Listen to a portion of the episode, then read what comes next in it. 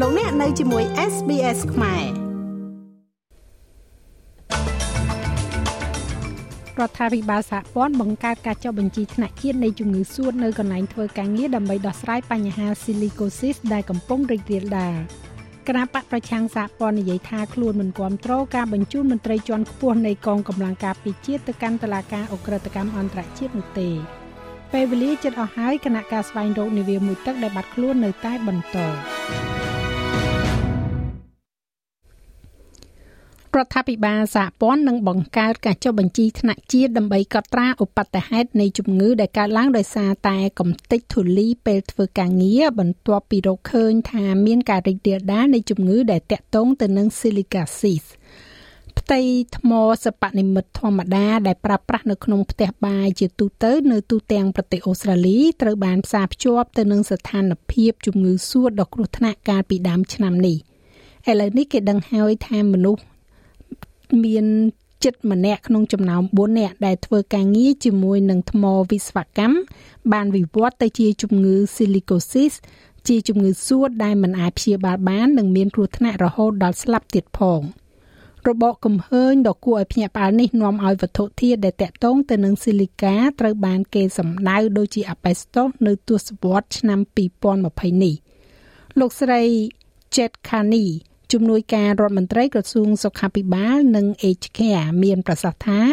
ការបង្កើតការចុះបញ្ជីថ្នាក់ជាតិនេះគឺជាជំហានដំបូងដើម្បីធានាថាបុគ្គលិកកម្មករនឹងមិនចាំបាច់ទទួលរងនៅជំងឺដូចជាជំងឺ Silicosis នេះទៀតទេនាពេលអនាគត This is an incurable disease. It is a tragic disease that is នេះគឺជាជំងឺដែលមិនអាចព្យាបាលបានហើយវាត្រូវបានប៉ះពាល់នៅកន្លែងធ្វើការគ្មាននរណាម្នាក់គួរទៅធ្វើការហើយទទួលជំងឺដែលសម្រាប់ពួកគេនោះទេដូច្នេះការចោះឈ្មោះនេះនឹងធ្វើឲ្យប្រកាសថាអ្នកគ្រប់គ្នាដែលឆ្លងជំងឺតាក់ទងទៅនឹងកំទេចកំទីធូលីពេលធ្វើការងារនេះដែលសំខាន់ប្រសិនបើអ្នកមាន silicosis ការរាយការណ៍នោះនឹងជាកាតព្វកិច្ចយ៉ាងពិតប្រាកដ វានឹងជួយឲ្យយើងទទួលបាននូវព័ត៌មានដែលនឹងជួយយើងគ្រប់គ្រងកន្លែងធ្វើការហើយនឹងសង្ឃឹមថាធ្វើឲ្យប្រកាសថាមនុស្សម្នាមិនទៅធ្វើការហើយឆ្លងជំងឺដោយភ័យខ្លាចទាំងនេះទេគណៈបកប្រឆាំងសហព័ន្ធនិយាយថាខ្លួនមិនគ្រប់គ្រងការបញ្ជូនមន្ត្រីជាន់ខ្ពស់នៃកងកម្លាំងការពារជាតិទៅកាន់តុលាការអ ுக ្រិតកម្មអន្តរជាតិជំវិញការចោទប្រកាន់ពីបទអ ுக ្រិតកម្មសង្គ្រាមនៅក្នុងប្រទេសអាហ្វហ្គានីស្ថាននោះទេ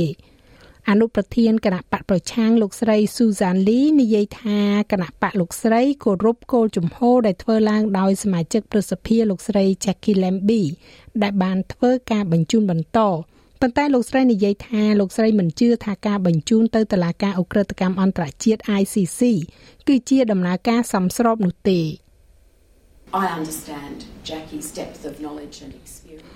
ខ្ញុំយល់ពីចំណេះដឹងដ៏ជ្រាលជ្រៅនិងបទពិសោធន៍របស់លោកស្រី Jackie អំពីបញ្ហាការពារជាតិហើយជាពិសេសខ្ញុំចង់ទទួលស្គាល់ការខិតខំប្រឹងប្រែងរបស់លោកស្រីជាមួយនឹងអតីតយុទ្ធជនក្នុងរយៈពេលជាច្រើនឆ្នាំនេះ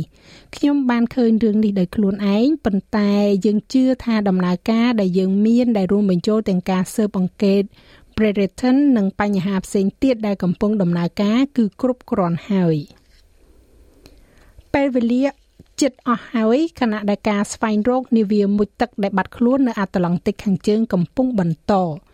នាវាមុជទឹកនេះបានបាត់ខ្លួនកាលពីថ្ងៃអាទិត្យទី18ខែមិថុនាខណៈពេលដែលដឹកអ្នកបើកបរម្នាក់និងអ្នកដំណើរ4នាក់ក្នុងការរុករកមើលបំណែកនៃកប៉ាល់ទីតានិក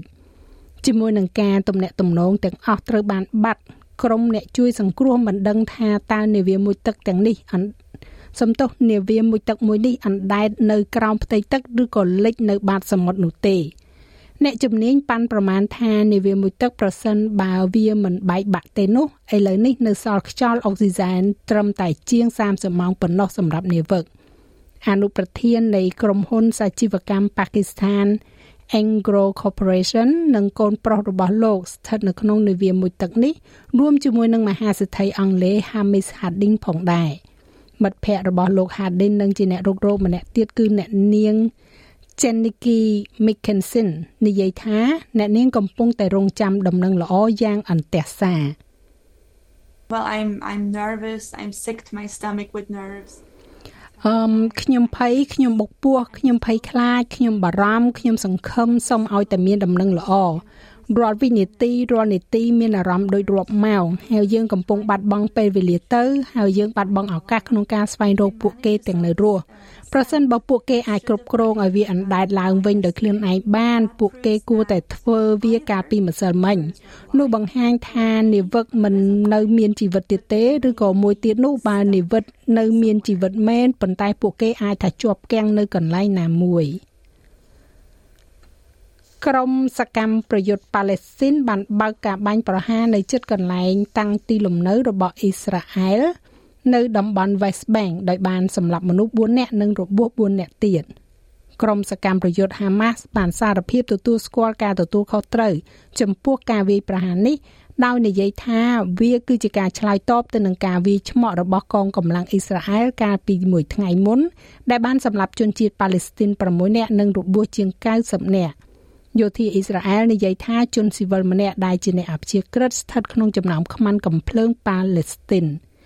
បរិះដែលរងរបួសម្នាក់ត្រូវបានគេកំណត់អត្តសញ្ញាណថាជា Morel Nicker ជាប្រធានសន្តិសុខសម្រាប់ការតាំងទីលំនៅ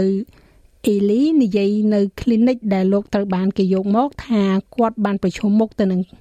ហើយនឹងបានបាញ់ខ្មាន់កំភ្លើងម្នាក់ ពេលខ្ញុំទៅដល់ស្ថានីយ៍ប្រេងឥន្ធនៈខ្ញុំឃើញភេរវកខ្ញុំឃើញគេឡើងឡានមួយដែលមានបរិសម្នាក់អង្គុយនៅក្នុងនោះ គេក៏បានបាញ់គាត់មួយគ្រាប់ខ្ញុំបានបើកទ្វារបាញ់គាត់បាញ់គាត់ក៏បាញ់ខ្ញុំវិញខ្ញុំបាញ់មិនឈប់ទេរហូតដល់គាត់ឈប់រើ ការកើនឡើងនៃអំពើហិង្សានាពេលថ្មីថ្មីនេះបានសម្លាប់ជនជាតិប៉ាឡេស្ទីនចំនួន128នាក់និងមនុស្ស24នាក់នៅខាងអ៊ីស្រាអែលនៅក្នុងឆ្នាំនេះដែលជំរុញឲ្យមានការភ័យខ្លាចថានឹងមានចំនួនកាន់តែធំឡើងនៅក្នុងប្រទេសអូស្ត្រាលីយើងវិញអាញាធរហ្គេមនៅរដ្ឋ New South Wales ក្រុងនឹងទៅទស្សនកិច្ចក្លឹបនិងផាប់រាប់រយកន្លែងនៅទូទាំងរដ្ឋដែលជាផ្នែកមួយនៃការបង្ក្រាបទីតាំងនានាដែលមិនគោរពច្បាប់កាត់បន្ថយគ្រោះថ្នាក់។ ទីកន្លែងចំនួន500កន្លែងត្រូវបានគេប្រាប់ថាអាចនឹងមានដំណើរទស្សនកិច្ចពីអង្គភាព Liquor និង Gaming New South Wales ជាផ្នែកនៃដំណាក់កាលទី2នៃកម្មវិធីអនុលោមភាពដែលនឹងពិនិត្យមើលថាតើច្បាប់កាត់បន្ថយគ្រោះថ្នាក់នេះកំពុងត្រូវបានអនុវត្តដែរឬក៏យ៉ាងណា ច្បាប់ទាំងនោះរួមមានការហាម5ក្នុងការដំឡើងម៉ាស៊ីន teller ដែលអាចប្រើប្រាស់បានជាមួយនឹងកាតឥណទានឬក៏ credit card នៅខាងក្នុងកន្លែងទាំងនោះ។ ការត្រួតពិនិត្យជិត900កន្លែងត្រូវបានអនុវត្តរួចហើយក្នុងរយៈពេល7ខែចុងក្រោយនេះដែលបណ្ដាលឲ្យមានការពិន័យនិងការកាត់ទោសចំនួន3ករណីនៅប្រទេសកម្ពុជាវិញកាលពីម្សិលមិញលោកនាយករដ្ឋមន្ត្រីហ៊ុនសែនបានបញ្ជាក់អះអាងថាតាមការគ្រោងទុកនៅថ្ងៃទី23ខែមិថុនាខាងមុខនេះរដ្ឋសភានឹងបើកសម័យប្រជុំពិភាក្សាអនុម័តលើសេចក្តីព្រាងច្បាប់វិសោធនកម្មច្បាប់បោះឆ្នោត ហើយនៅក្នុងនោះលោកសខេងរដ្ឋមន្ត្រីក្រសួងមហាផ្ទៃនិងលោកកើតរិទ្ធរដ្ឋមន្ត្រីក្រសួងយុទ្ធភ័ពនឹងទៅការពារសេចក្តីព្រាងច្បាប់នេះនៅក្នុងរដ្ឋសភាលោកនាយករដ្ឋមន្ត្រីហ៊ុនសែនក៏បានរំលឹកឡើងវិញ ពីការប្រមានរបស់លោកដែលថាអ្នកដែលធ្វើពហិការមិនទៅបោះឆ្នោតនៅថ្ងៃទី23ខែកក្កដាឆ្នាំ2023នេះស្មើនឹងសម្លាប់សិទ្ធិនយោបាយដោយខ្លួនឯងលោកនាយករដ្ឋមន្ត្រីហ៊ុនសែន យើងបានធ្វើវិសោធនកម្មច្បាប់ ហើយវិសោធនកម្មច្បាប់នោះទីសោតវិសាលភាពរបស់វានៅពេលនេះ មិនមែនក្រន់តែត្រឹមកែតម្រង់នៃអ្នកចូលឈ្មោះឲ្យគេបោះឆ្នោតទេក៏ប៉ុន្តែយើងត្រូវតែមានវិធានការមួយចំនួន ដើម្បីការពារសម្រាប់ដំណើរការបោះឆ្នោតទាំងមូលតាំងពីការចុះឈ្មោះរហូតទៅដល់កិច្ចការផ្សេងៗដែលតាក់ទងនឹងការបោះឆ្នោត ចាស់លោកមេងផល្លានឹងជួនសេចក្តីរាយការណ៍លម្អិតនៅវគ្គក្រោយជាបន្តទៀតឬលោកអ្នកអាចចូលស្ដាប់របាយការណ៍ពេញលើគេហទំព័រ sbs.com.au/ ខ្មែរនៅក្នុងការប្រកួតកីឡាវាយកូនបាល់ Tennis កីឡាករអូស្ត្រាលី Alex de Minaur បានធ្វើឲ្យកីឡាដ្ឋានអង់គ្លេសស្ងប់ស្ងាត់នៅក្នុងជ័យជំនះយ៉ាងដាច់ខាតមកលើកីឡាករ Andy Murray Domino ដែលជាកីឡាករលំដាប់លេខសំទោស18ពិភពលោកបច្ចុប្បន្នបានផ្ដួលអតីតកីឡាករលំដាប់លេខ1ពិភពលោករបស់អង់គ្លេសនៅក្នុងពិន្ទុ6ទល់នឹង3និង6ទល់នឹង1នៅ Queen's Club ក្នុងទីក្រុងឡុងហើយក៏បានបញ្ចប់ក្តីសង្ឃឹមរបស់ម្ចាស់ជើងឯក Wimbledon ពីសម័យកាលរូបនេះក្នុងការប្រកួតនៅឆ្នាំនេះវាគឺជាជ័យជំនះលើកទី4នៅក្នុងការជួបគ្នា4លើករវាងអ្នកទាំងពីរសម្រាប់ Domino ប៉ុន្តែជាលើកទី1ហើយដែលលេងនៅលើវាលស្មៅដែលនឹងផ្ដល់ទំនុកចិត្តដល់អ្នកក្រុង Sydney រូបនេះនៅមុនពេលធ្វើដំណើរទៅ Wimbledon ចំណែកឯអត្រាប្តូរប្រាក់វិញ1ដុល្លារអូស្ត្រាលីមានតម្លៃប្រមាណ68សេនដុល្លារអាមេរិកត្រូវនឹង2800រៀលប្រាក់រៀលខ្មែរ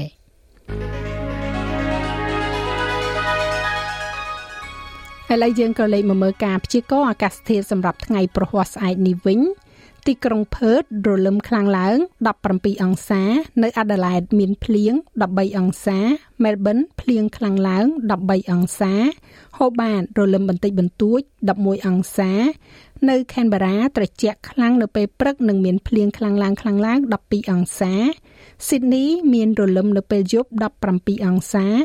នៅ Brisbane មានពពកដោយពេល22អង្សា ទីក្រុង Cairns រលឹមបន្តិចបន្តួច28អង្សា នៅ Darwin ភាគច្រើនបើកថ្ងៃ31អង្សា និងនៅទីក្រុងភ្នំពេញ មានផ្គររន្ទះរាយប៉ាយ36អង្សា